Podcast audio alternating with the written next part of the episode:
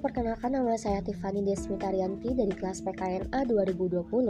Di sini saya ingin menambahkan sedikit materi mengenai masalah-masalah kontemporer warga negara multidimensional. Seperti yang telah dinyatakan oleh para kelompok penyaji, bahwasanya salah satu masalah kontemporer saat ini ialah faham ideologi. Indonesia merupakan negara yang memiliki paham ideologi yaitu Pancasila di mana Pancasila sebagai dasar atau tujuan hidup atau pandangan hidup warga negara Indonesia. Namun saat ini eksistensi nilai Pancasila sedang berkurang di kalangan warga negara masyarakat warga negara Indonesia. Seperti halnya uh, kelompok penyaji mengatakan ada dua solusi untuk menjaga eksistensi Pancasila. Yang pertama Pancasila hidup di masyarakat dan kedua Pancasila diakui kebenarannya.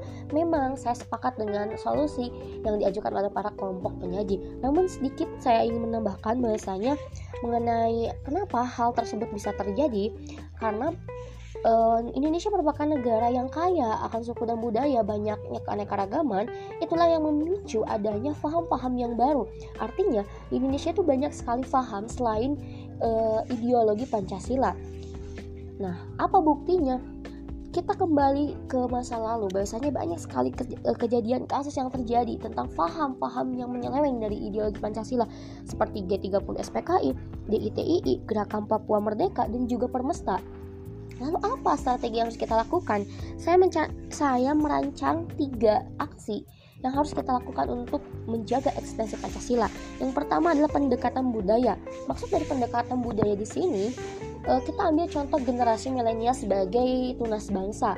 Ketika sebenarnya generasi milenial itu bukan tidak mau mengimplementasikan nilai-nilai Pancasila, melainkan mereka tidak tahu bagaimana mengimplementasikan nilai Pancasila secara benar. Maka dari itu perlulah ada sosok yang menjadi sentral yang bisa mereka ikuti. Dan salah satunya di Indonesia. Di Indonesia tuh banyak sekali event-event tentang pemilihan putri Indonesia. Nah salah satunya itu putri Indonesia. Putri Indonesia itu kan merupakan sosok figur yang e, bergelut nanti di sosial. Dan dalam program-program sosialnya ada diselipkan e, program yang menerapkan nilai-nilai Pancasila sehingga generasi milenial pun bisa melihat dan juga bisa menerapkannya dalam kehidupan sehari-hari. Kemudian yang kedua adalah sektor pendidikan. Di sektor pendidikan ini pemerintah harus mencanangkan dalam kurikulum sudah tercat sudah dicanangkan dan uh, harus lebih kita optimalkan gitu bagaimana kurikulum tersebut bisa berjalan dengan baik.